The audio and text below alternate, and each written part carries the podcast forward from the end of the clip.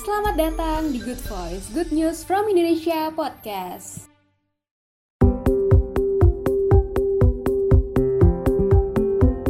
Hai kawan GNFI, kembali lagi di Good Voice. Good Voice kali ini akan membahas mengenai stress, how to manage and reduce it bersama teman diskusi kita Adriana Amalia. Mau tahu gimana keseruannya? Yuk dengerin podcastnya. Terima kasih semuanya kawan GNFI yang udah uh, ikut ikut lagi atau uh, baru uh, pertama kali menyaksikan kelas GNFI. Nah, kelas GNFI biasanya kita adain setiap hari Kamis, tapi hari uh, minggu ini kita adain di hari Selasa gitu. Banyak yang nanya, Kak, kenapa pindah gitu? Nggak apa-apa, karena hari Kamis kebetulan kan uh, takbiran, takutnya mengganggu beberapa aktivitas kawan-kawan, uh, jadi kita pindahkan ke hari Selasa. Nah, kenapa Kak nggak Rabu aja? Karena hari Rabu besok kita bakal ada Good Talk Live on Instagram. Uh, kita bakal ngobrol-ngobrol sama uh, Kak Panji Pragiwaksono. Kayak gitu. Nah, malam ini aku udah ditemenin sama Mbak Adriana Hertiani selaku uh, psikolog yang bakal ngobrol-ngobrol atau jadi teman diskusi kita malam hari ini. Nah, aku mau nyapa dulu nih Mbak Adriana. Halo Mbak Adriana. Halo Mbak Dila, selamat malam. Malam. Apa kabar Mbak? Kabar baik, sedikit flu, tapi mostly baik hari ini. Alhamdulillah. Oke, okay, nah kita udah kedatangan Mbak Adriana malam ini. Uh, jadi kita udah kedatangan Mbak Adriana malam ini kita bakal ngobrolin mengenai stres gitu ya. Uh, kenapa sih ini stres gitu ya? Orang-orang kayaknya udah sangat common mengenai apa sih itu stres gitu ya. Tapi sebenarnya mungkin banyak yang belum tahu stres itu asal dari mana, gimana cara ngontrolnya, sama gimana sih uh, cara kita buat mengolah stres itu sendiri agar menjadi energi yang positif gitu kali ya Mbak Adriana. Nah, malam ini aku makanya mau ajak Mbak Adriana untuk sharing sama kawan-kawan Ginepi semua mengenai stress, how to manage and reduce it. Oke, Mbak Adriana, uh, kita Mbak Adriana punya presentasi yang bakal iya. Silakan, Mbak. Oke, okay, thank you Mbak Dela. Sama-sama, Mbak. Oke, okay, saya share screen dulu.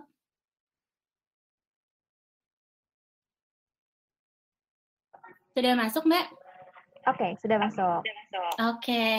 selamat malam teman-teman semuanya. Uh, senang banget teman-teman bisa join malam hari ini buat saling share, berbagi, dan juga nambah ilmu mengenai cara kita mengelola stres.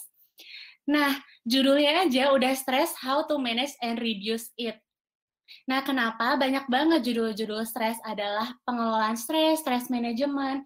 Karena sebenarnya stres itu bukan untuk dimusuhi, tapi untuk dikelola jadi bukan stres um, reducing bukan reducing stres aja atau menghilangkan stres, tapi gimana kita bisa mengelola dan dampaknya lebih berkurang buat diri kita.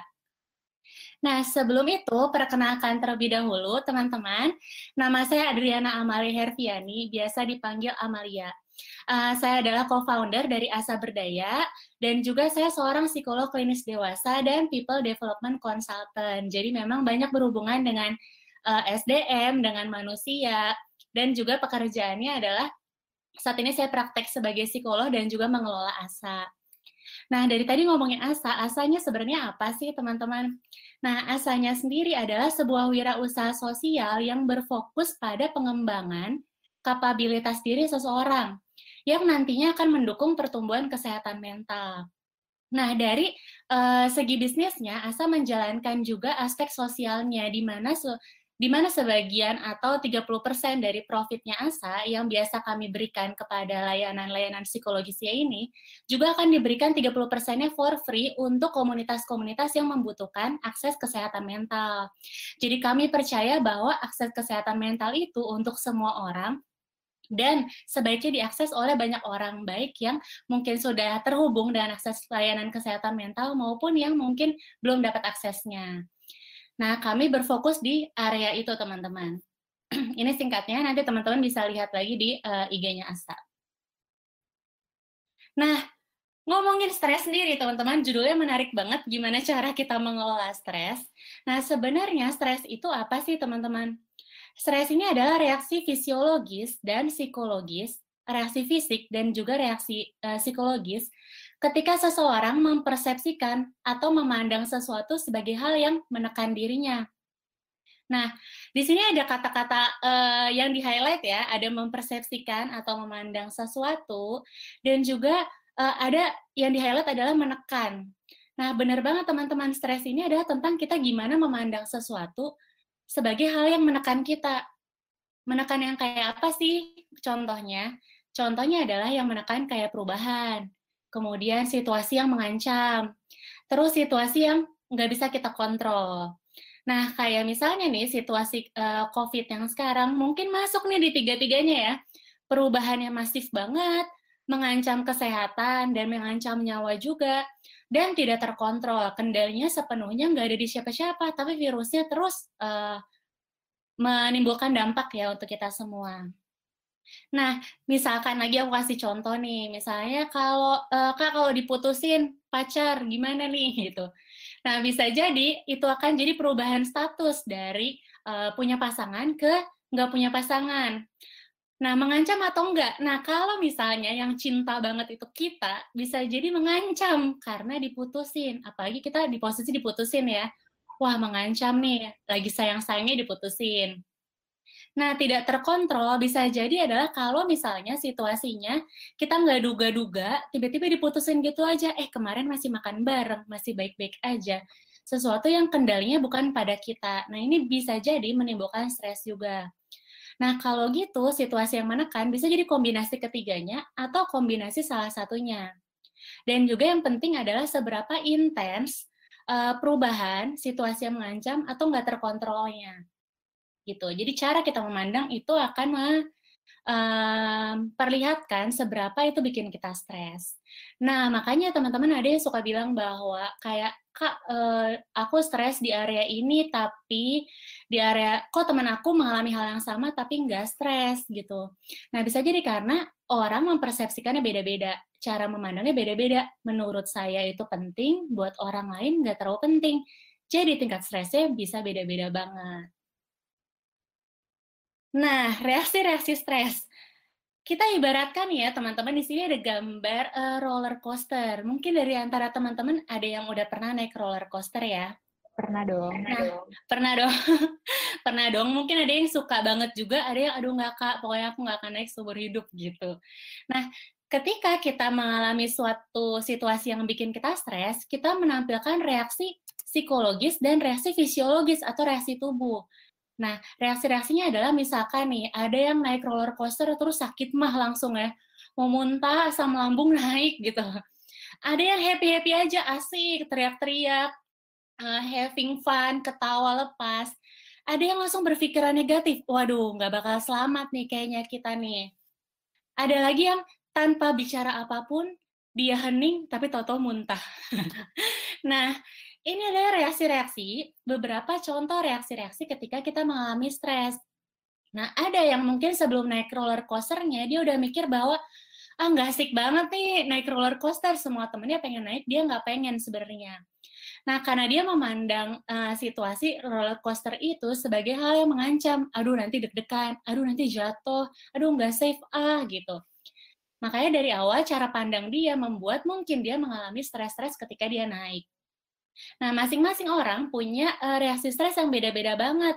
Ada yang uh, nih ada yang sakit mah ya, ada yang pusing-pusing kepala, ada yang uh, misalkan pegel-pegel dan lain sebagainya. Reaksi stres sangat beragam dan sifatnya personal. Tiap orang punya reaksi yang beda-beda banget terhadap sebuah situasi. Nah, tadi ngomongin reaksi-reaksi stres ya. Reaksi stres ini nggak lepas juga dari tanda-tanda stres pada tubuh kita tubuh itu ngasih notifikasi nih ke handphone ting ting gitu ya. Nah, tubuh juga memberikan reaksi-reaksi dan juga notifikasi ke diri kita supaya kita aware, supaya kita sadar kita stresnya tuh di karena apa atau di area mana. Tanda-tanda stresnya adalah di pikiran misalnya ya. Uh, contohnya adalah negative thinking, kemudian sulit mengambil keputusan, terus kemudian uh, pikirannya kalut gitu ya, nggak bisa tidur, rasanya pikiran tuh penuh banget, nggak bisa kita kendalikan, maunya mikir yang aneh-aneh terus, membayangkan sesuatu yang bakal buruk terus misalnya. Ini bisa jadi tanda-tanda stres. Kemudian ada tanda-tanda stres lagi adalah aspek emosinya atau perasaan. Nah, biasanya ini tuh tanda-tandanya adalah mood swing, terus kemudian kok rasanya sulit menikmati hal-hal yang biasanya kita senang untuk nikmatin terus mudah marah, senggol bacok banget nih. Kemarin-kemarin dicolek nggak apa-apa, sekarang dicolek kayak wah gitu ya. Marahnya udah berlebihan. Nah, kemudian uh, emosi lagi misalnya mudah sedih, mudah marah, merasa kesepian, terus nggak bahagia. Itu mungkin salah satu tanda-tanda yang bisa mengindikasikan ke arah uh, stres. Kemudian ada lagi di reaksi-reaksi fisiknya tanda-tanda di fisik kita. Misalnya tadi sakit mah, itu uh, saya misalnya suka asam lambung naik gitu ya kalau lagi cemas. Sakit kepala, terus kemudian pegel-pegel nggak beralasan, pundak tegang banget gitu. Terus kayak pinggang sakit lah, uh, sulit apa namanya sulit jalan, terus tangan kecengklak gitu-gitu lah. Pokoknya pegel-pegel badan yang merupakan tanda-tanda dari uh, tubuh juga. Kemudian pencernaan nih banyak banget ya, saya asam lambung, mah, terus diare berturut berterus menerus gitu ya, sakit kepala, tekanan darah tinggi, itu juga salah satu tanda-tanda di aspek fisik. Kemudian ada tanda-tanda di aspek perilaku, kayak misalnya uh, menjauhi diri dari teman-teman, dari keluarga, menarik diri dari lingkungan sosial. Kemudian berubahnya pola makan atau pola tidur, bisa jadi lebih banyak makannya dan tidurnya, atau lebih sedikit makannya dan tidurnya. Kayak nggak nafsu makan, terus atau makan berlebihan. Ada tuh ya saya banget, makannya berlebihan kalau lagi stres, pertanda Terus kemudian gigit-gigit kuku misalnya, atau goyang-goyangin kaki, nyabut-nyabut rambut. Ada salah satu teman saya kalau lagi stres itu nyabutin atas rambut, sampai akhirnya rambut di atasnya menipis gitu. Dan uh, itu dilakukan ketika dia cemas dan stres terhadap situasi hidupnya. Hmm. Sama satu lagi ada uh, juga yang arahnya menunda pekerjaan, menunda pekerjaan, tim rebahan sepanjang pandemik gitu. Mungkin itu menjadi tanda-tanda stres atau kita perlu uh, pay attention sama tanda-tanda dari tubuh kita. Nah, kalau ini Mbak, ini kan ada oh, iya. tanda tanda ya. Hmm? Kalau uh, misalnya haid terlambat gitu-gitu, itu masuk ke tanda stres juga nggak sih Mbak? Nah, benar. Salah satunya betul, Mbak Dela. Ada pada beberapa orang yang haidnya terlambat atau justru rentangnya lebih lama. Ada teman saya ketika posisinya sedang stres banget, dia dalam satu bulan bisa haid tiga kali. Nah, saya juga pernah nggak haid-haid, karena uh, ada respon dari tubuh saya secara hormon dan fisik bahwa saya lagi menghadapi situasi yang tegang. Jadi waktu saya ke dokter, kata dokternya, kamu lagi mikirin apa? Karena tubuh kamu baik-baik aja sebenarnya ketika diperiksa. Nah, ada kaitannya juga sama hormon dan reaksi tubuh. Ah, Oke, okay. nah tadi uh, uh, bilang perilaku, perilaku gitu ya. Hmm. Feedback aku, aku sebentar ya Mbak. Nah, jadi uh, tadi kan Mbak Dana bilang perilaku, ada menunda pekerjaan ya Mbak. Nah, ada juga kalau di bahasa kita ya uh, gitu ya Mbak, menunda kerjaan. Nah, itu kalau procrastinating itu termasuk ada tanda stres apa emang malas aja Mbak tuh orang kamu rebahan? Gimana tuh Mbak? Bisa di-unmute dulu tuh Mbak, mic saya. Uh, Mbak Diana, mic, uh, mic-nya di-unmute dulu. Oke. Okay. Okay. Oke, nah uh, kalau misalnya uh, procrastinator gitu ya, ada yang memang dari awal dia orangnya udah progress gitu ngerjainnya uh, mepet deadline dan lain sebagainya. Nah, yang terjadi di sini kalau itu memang tanda-tanda stres, biasanya ada perubahan dari kebiasaan sebelumnya gitu.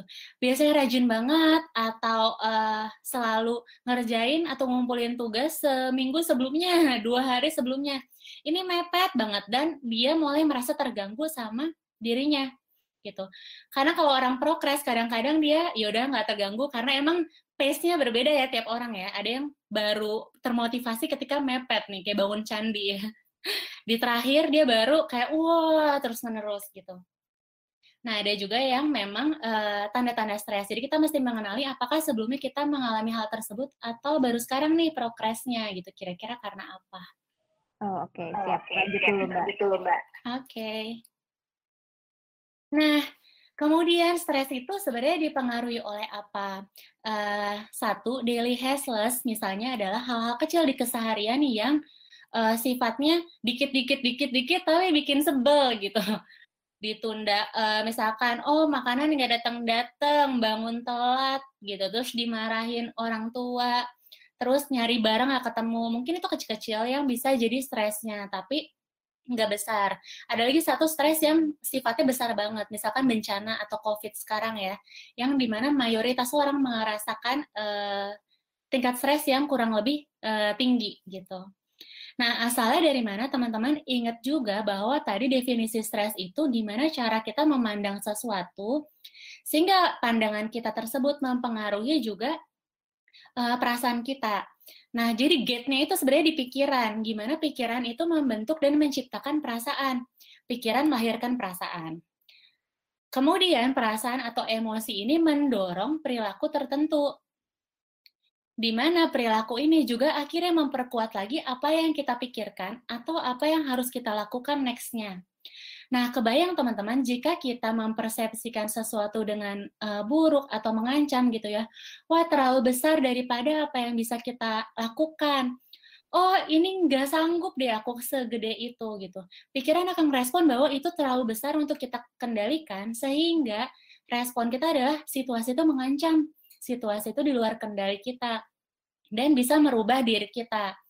Oleh karena itu emosi yang keluar adalah takut, cemas, bingung, uh, marah bisa jadi macam-macam emosinya dan akhirnya emosi atau perasaan itu mendorong perilaku. Jadi perilaku ini sebenarnya bukan lahir dari pikiran aja, tapi mostly itu yang mendorong terjadinya sebuah perilaku adalah emosi kita tugasnya emosi memang mendorong seseorang untuk melakukan sesuatu. Gitu. Nah, gate-nya ini adalah pikiran, tapi yang mendorong banget adalah perasaannya. Nah, kita bahas nih aspek perasaannya dulu ya uh, di sesi ini. Nah, mungkin di antara teman-teman ada yang udah pernah nonton Inside Out, itu menurut saya film yang sangat bagus yang untuk menjelaskan emotional intelligence dan cara kita uh, melihat fungsi-fungsi emosi di dalam diri kita. Nah, sebenarnya emosi ini fungsinya banyak banget. Uh, dan setiap uh, emosi itu punya fungsinya masing-masing gitu. Contohnya adalah misalkan di joy. Joy ini adalah uh, menunjukkan bahwa kita fit in atau situasi itu the best of us yang kita suka sehingga memunculkan satisfaction kesenangan, kemudian uh, puas itu dimunculkan oleh si joy, membuat kita sadar bahwa oh situasi yang kayak gini tuh yang kita uh, dambakan atau kita inginkan gitu. Nah kemudian ada lagi uh, anger ya, si merah ini, si marah-marah. Nah, anger sebetulnya fungsinya adalah menginformasikan kepada kita bahwa ada situasi yang di, berbeda sama ekspektasi kita atau justru situasi-situasi uh, yang nggak adil gitu beda banget nih sama kita kok kita ngerasa diperlakukan nggak adil kita ngerasa nggak diperlakukan selayaknya beda sama ekspektasi kita biasanya yang muncul adalah marah marah memberikan pesan bahwa ih situasi itu tuh nggak kita pengenin ih kita diperlakukan nggak adil tugasnya marah adalah menunjukkan hal itu nah kenapa marah ini penting sebetulnya marah ini penting untuk membangun uh, proteksi diri kita melindungi diri kita dan juga memasang uh, kalau kita suka dengar ya healthy boundaries gitu ya, memasang batasan-batasan ke sekitar bahwa sampai batas ini kita nggak oke okay nih gitu. Itu munculnya adalah marah. Kemudian ada uh, yang ketiga fear nih, yang ungu-ungu ya. Nah, fear ini keluar, muncul ketika kita menghadapi situasi yang mengancam atau berbahaya buat diri kita. Jadi secara otomatis dia akan muncul dan ngasih tanda, teng, teng, teng, teng, teng, teng, ayo cari perlindungan gitu. Ini udah nggak oke, ini udah mengancam. Keluarnya adalah rasa takut. Kemudian yang biru-biru, si sadness. Sadness juga punya fungsi nih teman-teman. Fungsinya dia adalah ketika ada kehilangan atau kita lost sesuatu, itu sadness muncul buat memberitahukan bahwa oh situasi itu penting loh buat kita. Oh hal itu meaningful loh buat kita. Oh orang tersebut berharga loh buat kita sadness yang akan muncul. Semakin situasi itu berharga atau meaningful, sadness semakin gede. Gitu. Nah, sadness fungsinya apa? Sadness ini fungsinya juga selain memperlihatkan apa yang hilang dari diri kita, dia juga memberikan eh, tanda-tanda uh, untuk kita memulihkan diri. Jadi kalau kita udah sedih, kehilangan, dia memberikan tanda untuk memulihkan diri kita. Dan yang terakhir adalah si disgust, yang si hijau ya. Nah, si hijau ini fungsinya adalah memberikan uh, sense uh, dari uh, indera penciuman, kemudian mata kita, uh, touch gitu ya, sentuhan itu terhadap hal-hal yang menjijikan atau hal-hal yang kira-kira beracun nih. Biasanya kita takut sama jijik sama hal-hal kayak kecoa atau laba-laba beracun gitu-gitu ya. Nah, tapi juga bukan hanya ke hewan, bukan hanya ke sesuatu kondisi yang menjijikan kayak kamar mandi uh, kotor nih gitu. Tapi juga secara sosial, misalnya ada orang ih nggak pantas banget bajunya kayak gitu gitu. Kita suka kayak ih kenapa sih kayak gitu? Atau sikapnya nyebelin ih kok gitu sih? Gitu. Nah ini juga salah satu fungsi dari si disgust atau jijik. Itu itu fungsi-fungsi emosi. Jadi sebenarnya emosi-emosi ini perasaan kita turut mendorong tindakan kita. Di mana kalau kita uh, punya performance sesuatu gitu ya kita uh, pengen termotivasi sama sesuatu dorongannya adalah emosi. Pengen menang pengen berprestasi pengen terlihat pintar, pingin dapat sesuatu, itu dorongannya emosi. Sama lagi kalau kita belajar gitu ya, kalau lagi senang atau lagi jatuh cinta nih, misalkan bucin-bucin gitu, itu biasanya apa aja mau dilakuin. Dan emosinya senang gitu, oh pokoknya apa aja akan saya lakukan. Sama nih kalau situasi belajarnya menyenangkan, apa pun yang diberikan rasanya uh, kondusif dan pengen kita kerjain. Nah, emosi joy-nya bermain gitu memotivasi kita. Dan terakhir juga perasaan itu ikut mempengaruhi kondisi fisik kita. Kalau kita banyak di uh, banyak mengalami kesedihan atau stres yang nggak kita kelola, imunitas kita juga akan turun, sakit-sakitnya juga akan lebih berasa.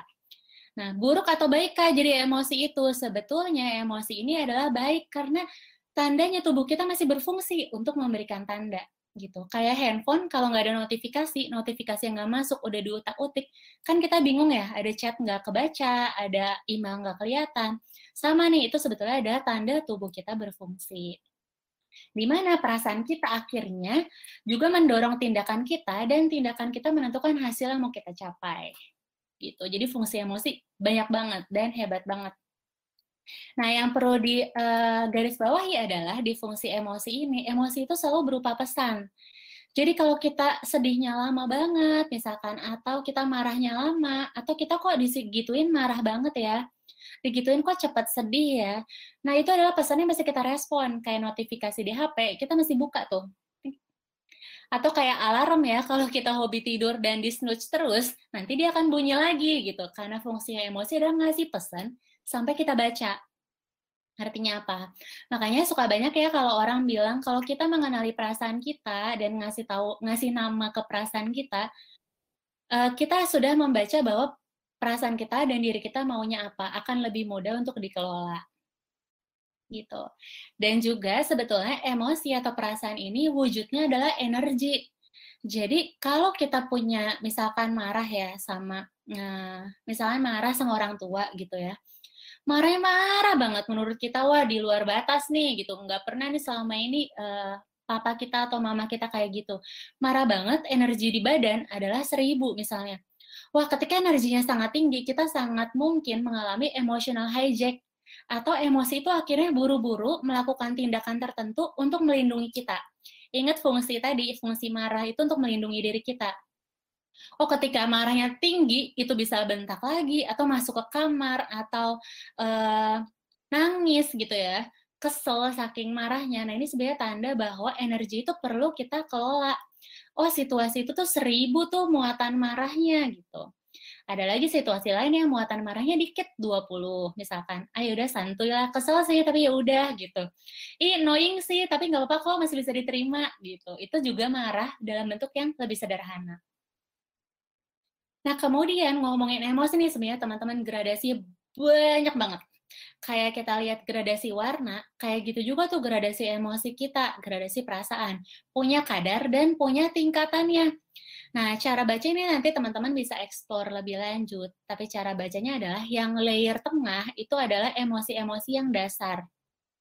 Layer kedua adalah emosi turunannya, biasanya karena apanya ya gitu layer yang ketiga yang paling luar adalah sebenarnya di dalam kita tuh pengennya apa gitu. Rasanya marah yang kayak gimana. Aku kasih contoh ya misalnya. Misalkan di angry gitu ya marah. Marahnya itu karena e, merasa down karena dikecewakan. Dikecewakannya karena apa nih? Karena dihianati misalnya bisa jadi. Atau ada lagi marah yang jadi sifatnya agresif gitu. Agresif bisa tiba-tiba uh, mudah tersinggung atau dicolek dikit langsung tampol balik gitu ya. Nah, yang harus kita kenali adalah emosi yang di bagian luar. Kenapa? Semakin kita bisa mengenali emosi bagian luar itu, sebetulnya kita kayak lagi ngebaca diri kita dengan tepat. Karena apanya nih aku marah gitu, karena apanya nih aku stres gitu. Nah, nanti teman-teman boleh search juga, ini ada penelitian dari Dr. Paul Ekman tentang emotion. Dr. Paul Ekman ini adalah seorang profesor yang juga ikut berkontribusi dalam membuat uh, film Inside Out.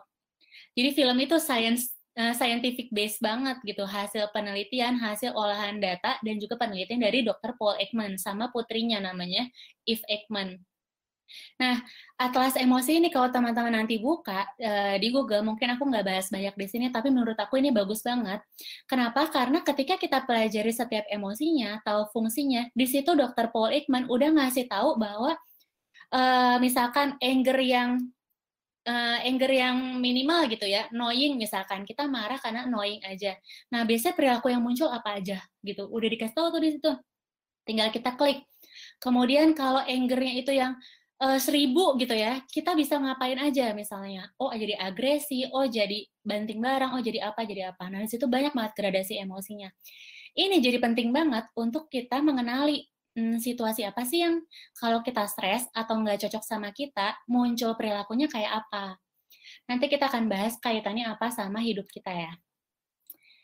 Nah, sebenarnya emosi kita, reaksi tubuh kita, dan stres itu berusaha untuk melindungi kita, berusaha untuk membuat kita survive dalam hidup. Survive yang kayak gimana, Mbak? Hmm, survive-nya adalah gini, Ketika emosi itu muncul, berarti ada ada sebuah tanda-tanda di mana ada hal yang nggak sesuai sama diri kita atau kita butuh sesuatu ya, sesuai dengan fungsi emosi tadi. Nah, sebenarnya tubuh kita itu dan emosi kita berusaha untuk membuat kita survive di situasi itu, termasuk stres. Contoh, wah kalau tiba-tiba kuliah online ribet banget nih, gitu wah akhirnya perasaannya cemas, wah akhirnya perasaannya takut. Tubuh kita sedang kasih tahu kita sama emosi kita lagi ngasih tahu bahwa eh kayaknya kita belum terlalu siap deh kalau kuliahnya harus online. Yang benar adalah ketika emosi itu kita respon, hmm oke, okay, kalau gitu ada yang nggak siap dari diri aku, apa ya yang nggak siap ya? Apa ya yang bikin aku takut? Jangan-jangan kalau kita siapin lebih awal, diri kita akan meresponnya bahwa oh itu nggak lagi jadi ancaman karena kita udah coba mengelola dan mengakomodir apa yang diri kita butuhin.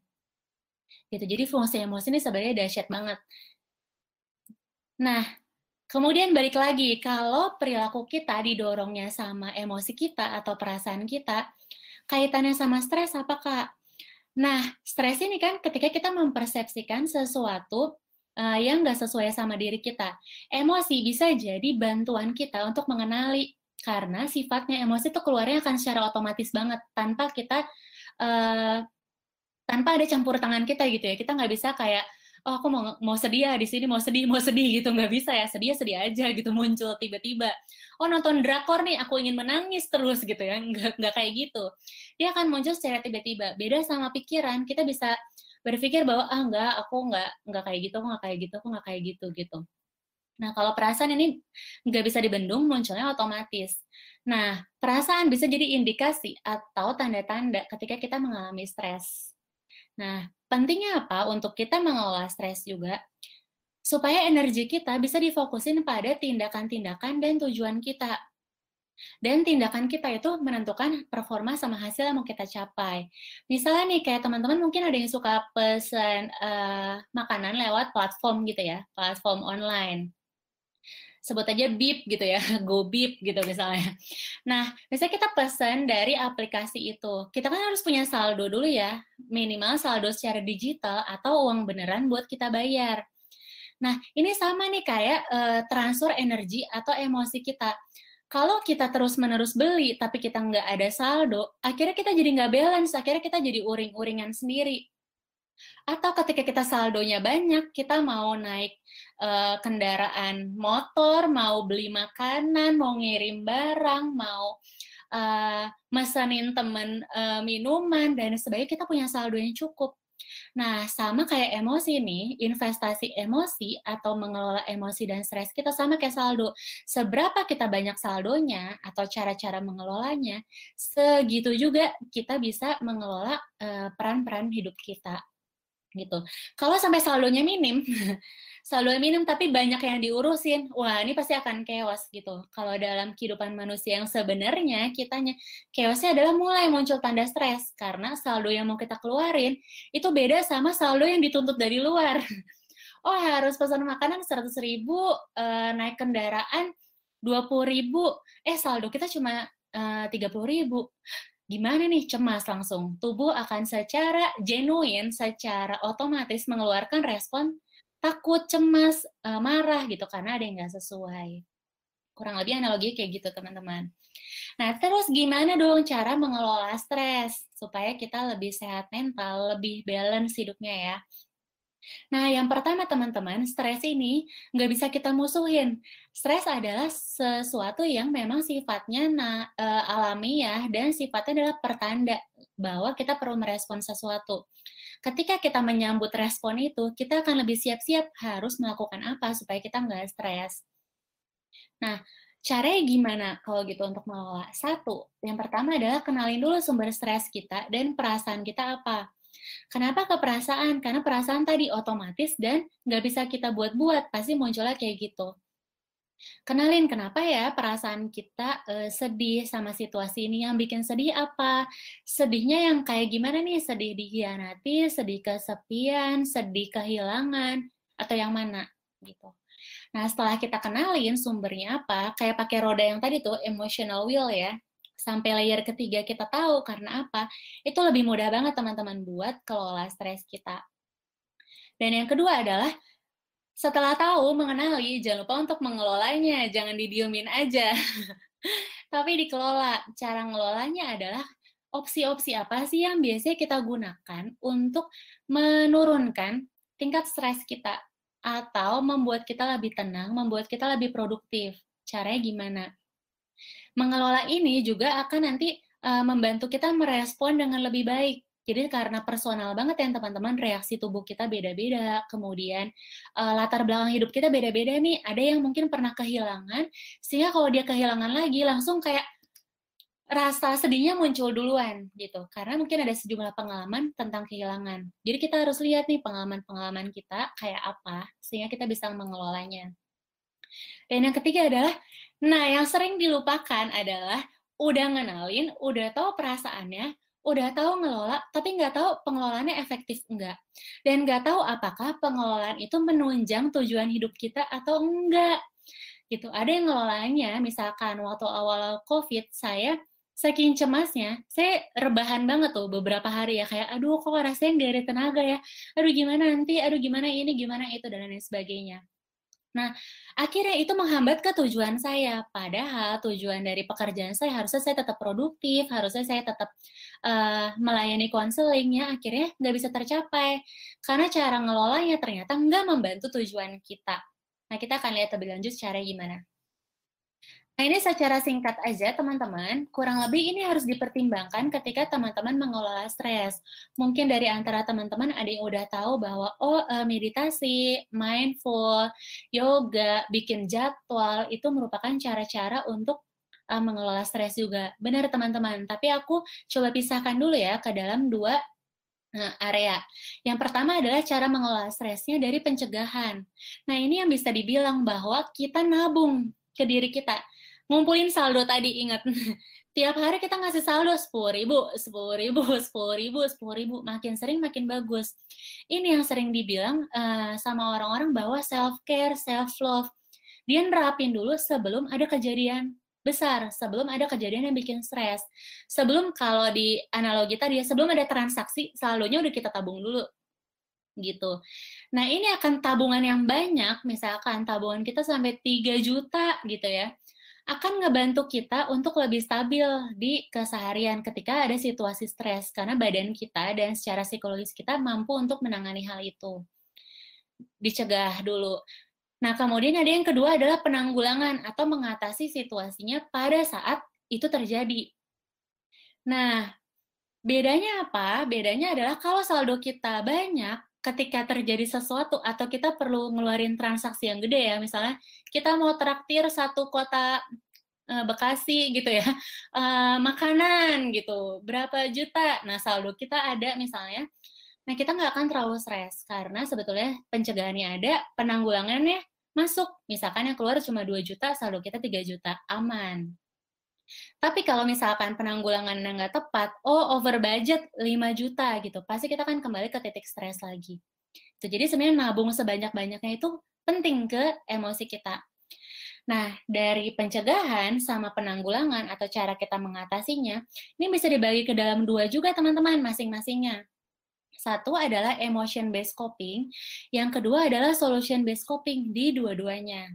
Emotion based coping ini secara singkat adalah hal-hal yang kita lakukan untuk mengelola stres yang sifatnya itu membuat kita lebih tenang, membuat emosi kita lebih stabil, membuat kita kembali ke titik yang kita nyaman atau normalnya versi kita. Uh, itu fungsinya emotion based coping. Contohnya apa? Curhat, nangis berderai-derai gitu ya. Kadang-kadang kalau kita nangis akhirnya kita lega karena emosinya itu dikeluarkan. Akhirnya kita lega. Atau marah-marah nih tipe tipikalnya ada yang butuh ngomel dulu untuk merasa lega gitu ya. Masuk ke emotion based coping. Nah, solution based coping itu apa? Solution based coping adalah cara-cara mengelola stres yang kita lakukan uh, tepat uh, kepada sumber stresnya, mengatasi sumber stresnya dengan cara berstrategi, mencari solusi. Contoh, bikin jadwal, kemudian nelpon teman yang lebih tahu, belajar dari mentor, eh, baca-baca buku, lihat YouTube cara mengelola saat ini. Itu bagian dari solution, mencari solusinya secara langsung. Nah, emotion sama solution gimana gimana kaitannya? Kaitannya gini teman-teman, kalau kita kebanyakan emotion based coping, uh, kita mungkin jadi nggak dapat emosi kita tetap tenang, tapi kita nggak dapat solusi apa sih sebetulnya yang baik buat diri kita. Atau kebanyakan bikin solusi, biasanya orang kalau lagi kalut nih ya, lagi banyak pikiran dan lagi stres, susah untuk cari solusi, nggak bakal dapet. Biasanya solusinya juga nggak objektif jadinya. Nah, oleh karena itu, dua proporsi emotion dan solution, baiknya adalah emotionnya dikeluarin dulu, dirilis sampai uh, cukup stabil baru menentukan solusi. Kalau stabil doang nggak ngapa-ngapain, masalahnya nggak selesai. Kalau masalah diselesaikan tapi emosinya masih ada, biasanya akan nggak uh, menghasilkan hasilnya kurang baik ya, karena kita didorong oleh emosi. Ingat, emosi itu menentukan tindakan. Bisa jadi kemarahan kita, kesedihan kita itu jadi uh, keluar dengan bentuk perilaku yang nggak mendukung tujuan kita gitu. Dan yang terakhir adalah uh, positif atau helpful atau negatif atau unhelpful. Nah, ngelola stres bisa juga uh, bentuk perilakunya itu ada yang mendukung diri kita. Misalnya, oh ketika aku lagi cemas, misalnya hmm, cemas sesuatu, ketika aku tidur, tidurnya satu jam, ya jadi helpful karena habis itu aku kerja gitu. Tapi kalau tidurnya 12 jam, jadi unhelpful karena itu justru nggak ngebantu ke tujuan kita. Jadi poin yang penting dari ngelola stres sebenarnya adalah balancing, seimbangkan antara uh, pencegahan dan penanggulangan investasinya ke diri kita, sama emotion sama solution yang harus seimbang. Dan yang ketiga adalah cari yang positif atau membantu kita ke tujuan kita. Gitu kurang lebih Mbak Dela. Itu dulu mungkin ya. Iya, iya, iya, iya. Oke. Suara aku agak kecil ke Mbak Dela. Ah, di aku jelas Mbak. Oke. Okay. Oke. Okay. Oke, okay, jadi uh, tadi kita udah kita udah Mbak Dena aku mute dulu ya. Soalnya ya. kayaknya Soalnya agak kayaknya agak agak feedback agak di feedback ininya. ininya. Ntar kalau oh, mau ngomong di unmute lagi ya Mbak Dena. boleh, boleh. Siap, siap. Oke, nah jadi uh, kawan-kawan kita tadi udah uh, tahu nih jadinya uh, ternyata stres tuh gak cuma ada pikiran, ada juga dari fisik, ada juga dari emosi, ada juga dari perilaku. Nah, uh, tadi aku nanya sama teman-teman di Google Meet di kolom chat, uh, apa aja sih stres yang pernah kalian alami gitu ya. Nah, mostly ini pikiran nih Mbak Adriana. Nah, nanti kita punya sesuatu yang menarik ya Mbak Adriana di akhir ngumumin ya, tapi jadi stay sampai akhir. Nah, uh, sebelumnya mau saya dulu buat kawan kawan-kawan yang lagi nonton di YouTube, Facebook, dan Twitter. Selamat malam, maaf tadi lupa ya Pak, maaf banget. Terima kasih ya sudah bergabung dan sudah ikut kelas kita malam ini. Uh, buat kawan GNFI yang di mana aja. Nah, ini udah ada beberapa pertanyaan nih Mbak dari uh, kawan-kawan GNFI. Tapi sebelumnya aku mau nanya dulu nih Mbak Adriana.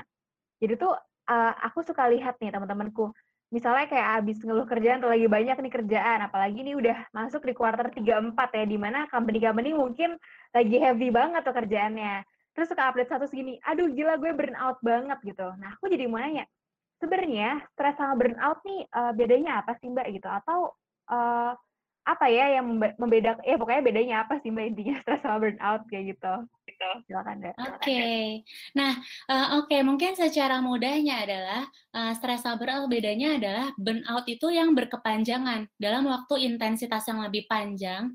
Kemudian mungkin pengelolaannya belum tepat juga sehingga numpuk itu kayaknya. Kayak kalau kita mau naik gunung, Mbak, kalau stres itu bisa jadi baggage kita bisa kecil atau besar. Kalau udah burnout tuh baggage-nya yang carrier gede banget kayak 60 kilo gitu.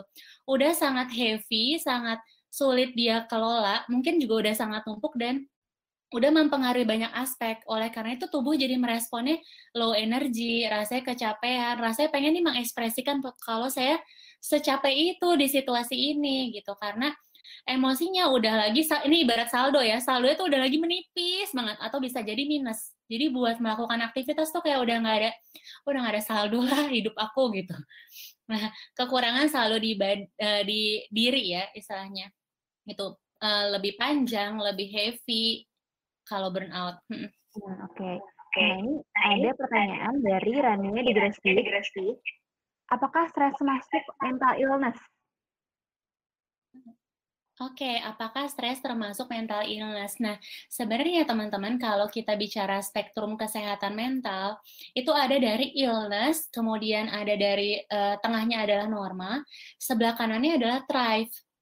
Jadi illness ini adalah gangguan-gangguan yang mungkin masuk ya di gangguan psikologis yang berat, kemudian ada kondisi normal dan ada kondisi yang uh, thrive atau optimal sebagai manusia.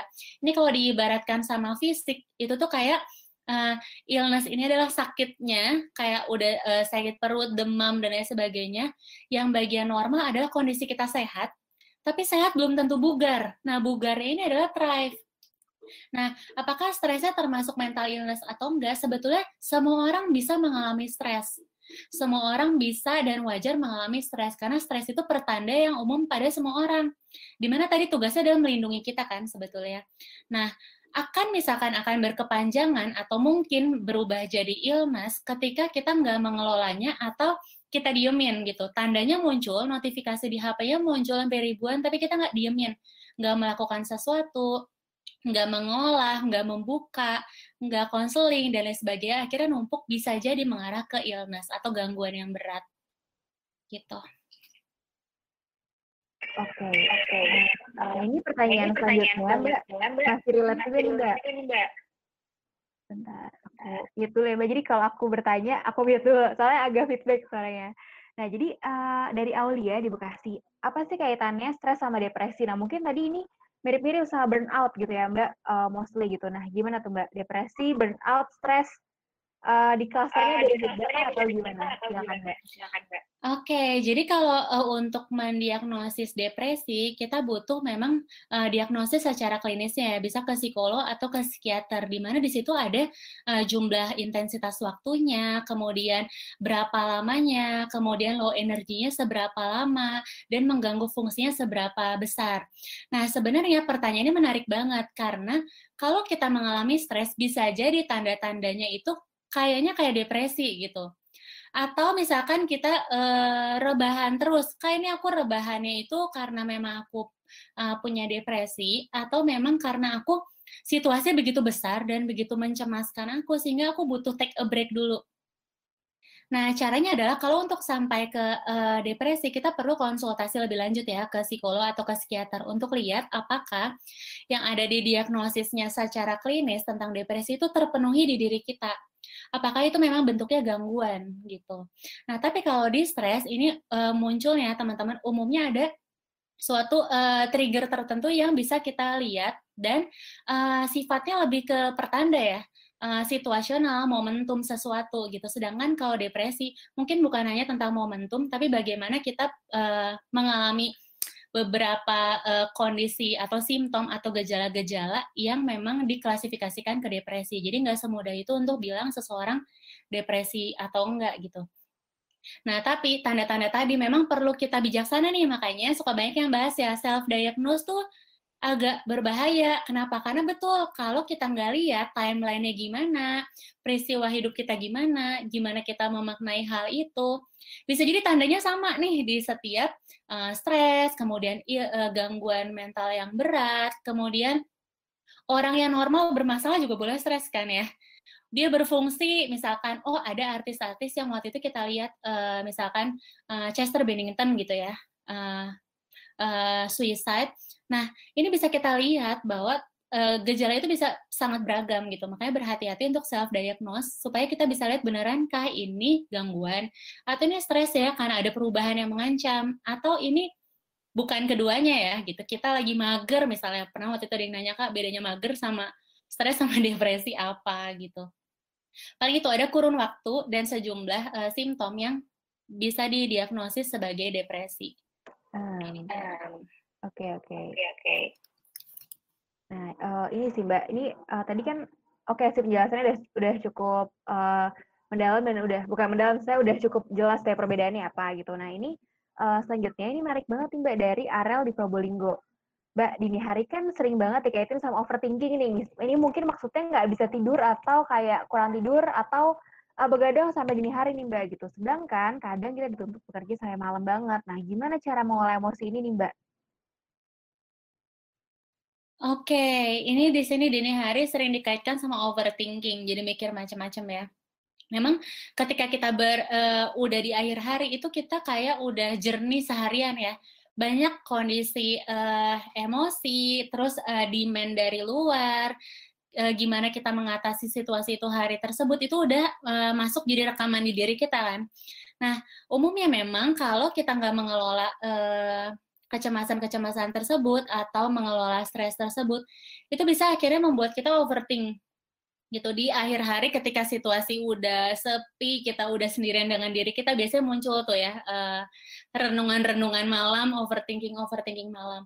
Nah di sini mungkin aku kurang clear kenapa? Karena cara mengelola emosinya gimana? Uh, maksudnya apakah tidak ingin uh, ini berarti bekerja dituntut buat kerja sampai malam tapi sebetulnya nggak pengen ya? Atau jadi kebablasan gitu kali ya maksudnya ya Kayaknya sih gitu ya, Mbak. Gitu Mbak. Hmm.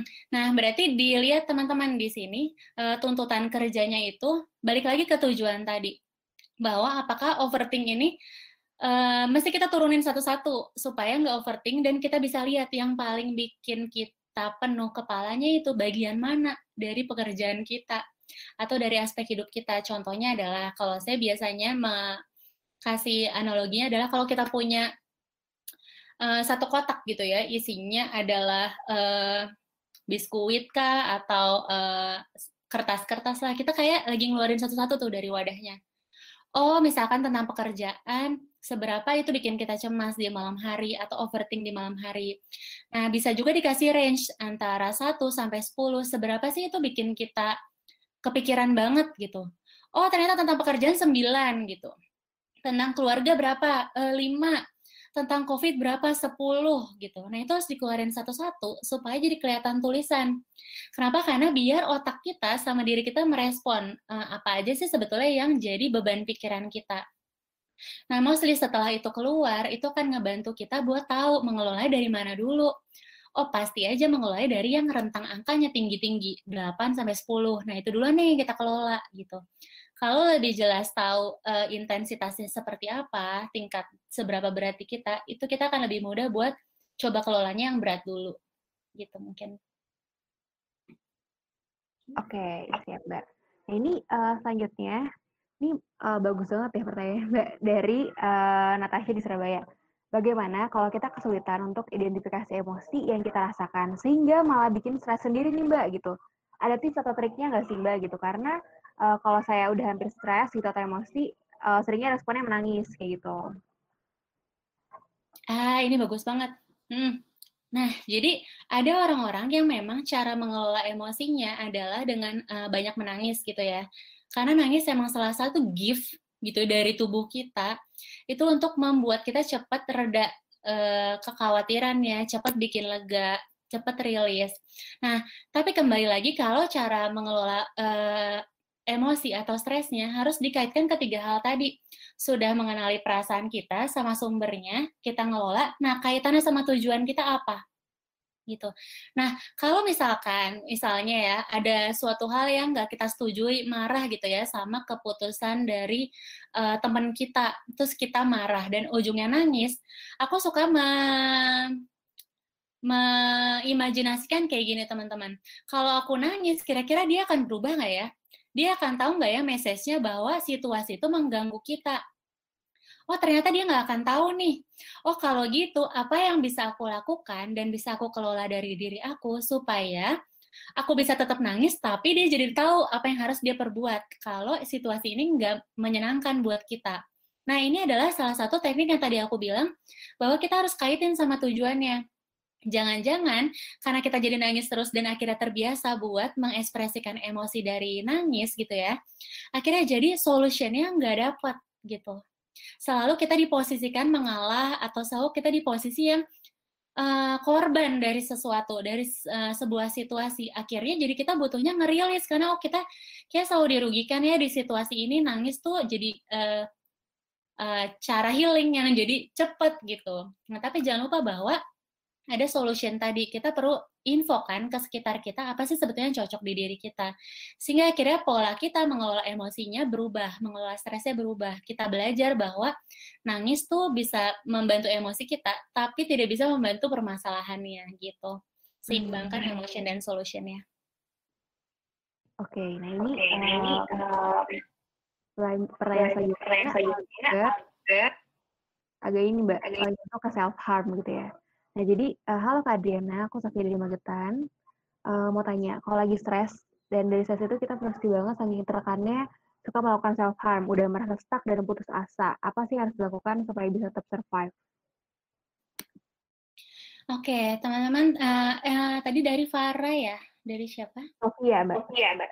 Oh, Sofia, oke. Okay dari Sofia ya.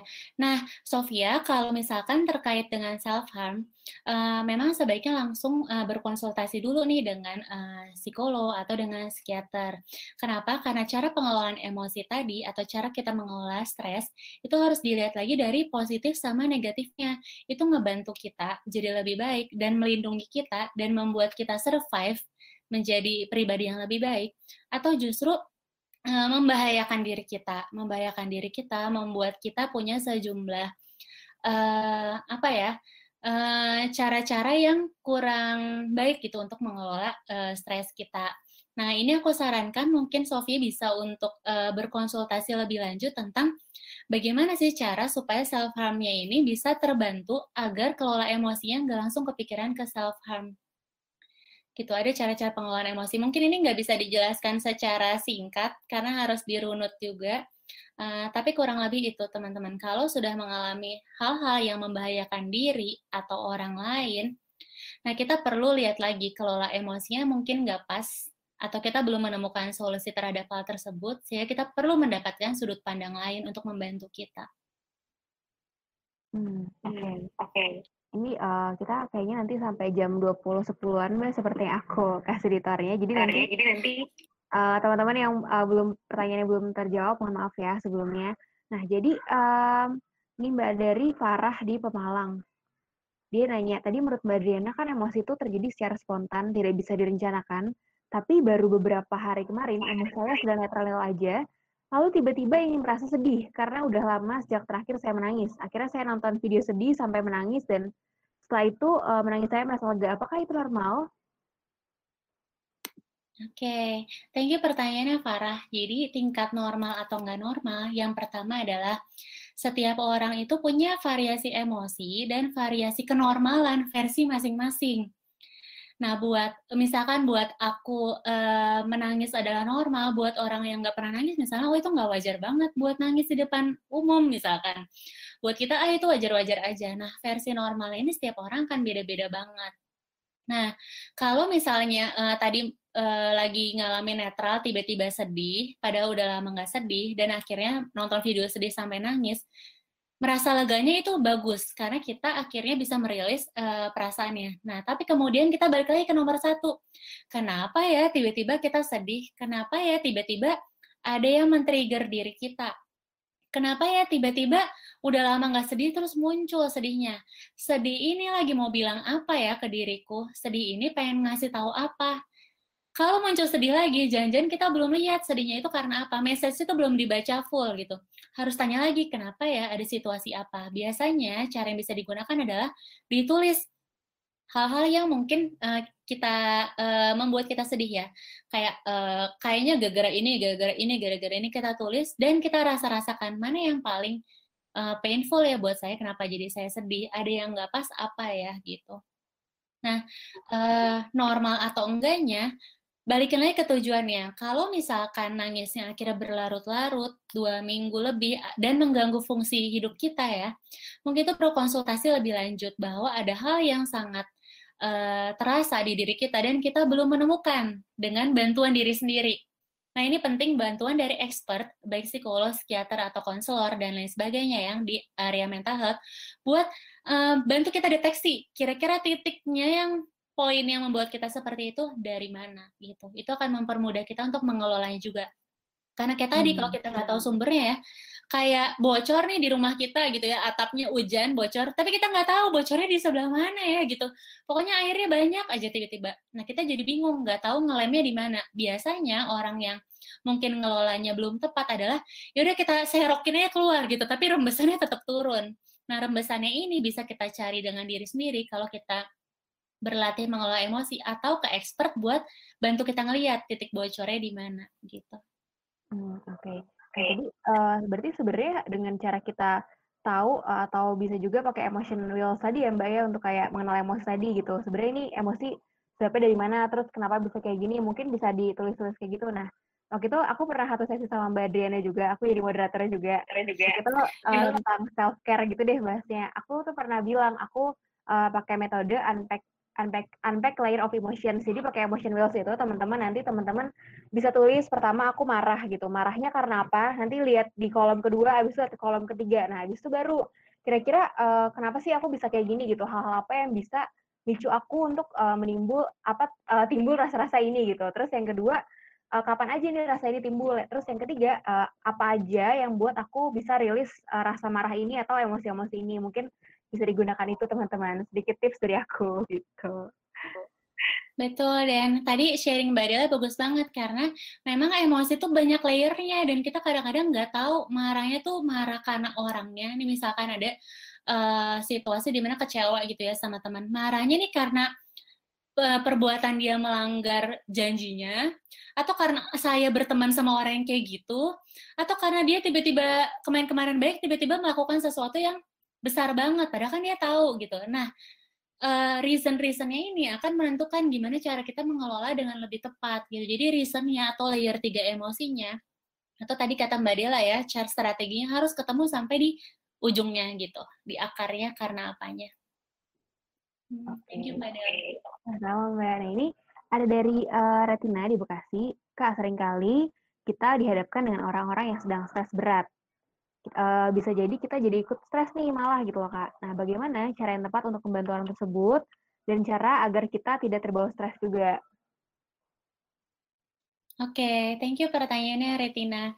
Nah, uh, saya ibaratkan sama kalau tadi kita ibaratkan sebagai saldo ya, ini saya ibaratkan uh, ke dalam dua mesin ATM gitu ya dua-duanya pasti punya saldo nih. Ketika kita mengalami situasi yang nggak enak buat diri kita, saldo kita tuh secara nggak sadar berkurang. Gitu, sehingga kita nggak balance, sehingga kita uring-uringan, sehingga kita stres. Nah, ATM yang ada di dekatnya atau orang yang di dekatnya melihat situasi itu bisa ikut terpengaruh juga gitu. Saldonya bisa ikut berkurang. Atau ketika dia cerita sama kita, tapi kitanya nggak siap, kita lagi dalam keadaan stres juga, akhirnya tarik-tarikan saldo tuh sama-sama tipis, sama-sama tipis, yang tipis akhirnya narik yang lebih banyak, yang lebih banyak nggak siap juga akhirnya tipis lagi. Nah, ini yang sering kali terjadi, transaksi energi ini yang membuat kayak, oh kalau kita lagi nggak siap mendengarkan atau mendampingi seseorang yang lagi stres, kok kita ikutan capek ya gitu. Yang pertama adalah teman-teman ketika uh, orang terdekat kita mengalami stres, yang pertama kita perlu tanyakan ke diri kita adalah, Uh, selain membantu dia dan mendengarkan dia lebih dulu ya dengan uh, genuine, dengan uh, membuat dia nyaman adalah kita siap nggak nih untuk membantu dia lebih lanjut. Itu saya dalam kapasitas yang saldonya cukup nggak nih untuk bisa ikut membantu dia dan mendampingi dia. Nah, kalau misalkan teman-teman merasanya cukup dan teman-teman punya uh, cara-cara untuk membantu dia baik cuma nemenin atau ngasih dia uh, solusi biasanya atau bantuin dia memetakan situasinya itu akan terjadi transfer energi yang juga uh, balance. Nah tapi kalau kita sama-sama lagi nggak sanggup, nah ini perlu jadi uh, pernanda buat kita ya. Karena kalau saldo kita sama-sama tipis akhirnya jadi biasanya yang kita kasih tahu ke dia adalah hal-hal yang juga ingin memprotek energi kita. Ya udah nggak apa-apa bukan masalah lah kayak gitu ah udahlah uh, gitu doang gitu doang gitu eh jangan stres lagi capek gue dengernya misalnya nah akhirnya ini nggak ngebantu teman kita tapi juga nggak uh, ngebantu diri kita karena akhirnya emosi kita, perasaan saldo yang kurang itu mendorong kita melakukan tindakan yang justru bukan ngebantu teman kita, malah harmful ke dia gitu. Itu bisa merusak relasi keduanya juga. Jadi pastikan dulu energi kita sama kalau kita uh, merasa ini di luar kapasitas kita, misalkan stresnya mungkin perlu penanganan lebih lanjut, jangan ragu-ragu untuk kemukakan bahwa dia mungkin butuh pertolongan orang lain yang lebih expert atau yang bisa membantu dia dengan lebih objektif. Gitu. Oke kak, ini ada, ini ada beberapa pertanyaan terakhir yang aku pilih ya. Yang pertama uh, pertanyaan dari Hani. Tadi, um, oh ini naik. Nah dari Hani di Jakarta uh, apa tips bagi orang yang tidak terbiasa curhat di part emotion based coping jadinya malah abusive ke orang sekitar dengan marah-marah, kasar verbal atau main fisik gitu. Oke, okay, nah ini uh, gini ya teman-teman, kalau kita mengelola emosi, uh, perhatikan juga um, kalau mengelola emosi itu kan karena kita yang merasakan ya. Jadi uh, bisa jadi itu perlu diekspresiin, energi itu perlu diekspresiin ke orang lain. Tapi caranya macam-macam banget dari yang halus sampai yang agresif gitu. Nah kita pikirkan juga bahwa ketika kita uh, menghadapi situasi yang nggak nyaman dan akhirnya kita merasa agresif, kasar dan marah-marah, kita balikin lagi ke tujuannya. Tujuan kita kan mengeluarkan emosinya nih, dari seribu emosi ini bisa keluar, jadi balance. Tapi kalau aku keluarinnya tiba-tiba dan ke orang terdekat dan dengan cara marah-marah, berdampak apa ya ke relasinya ya, gitu.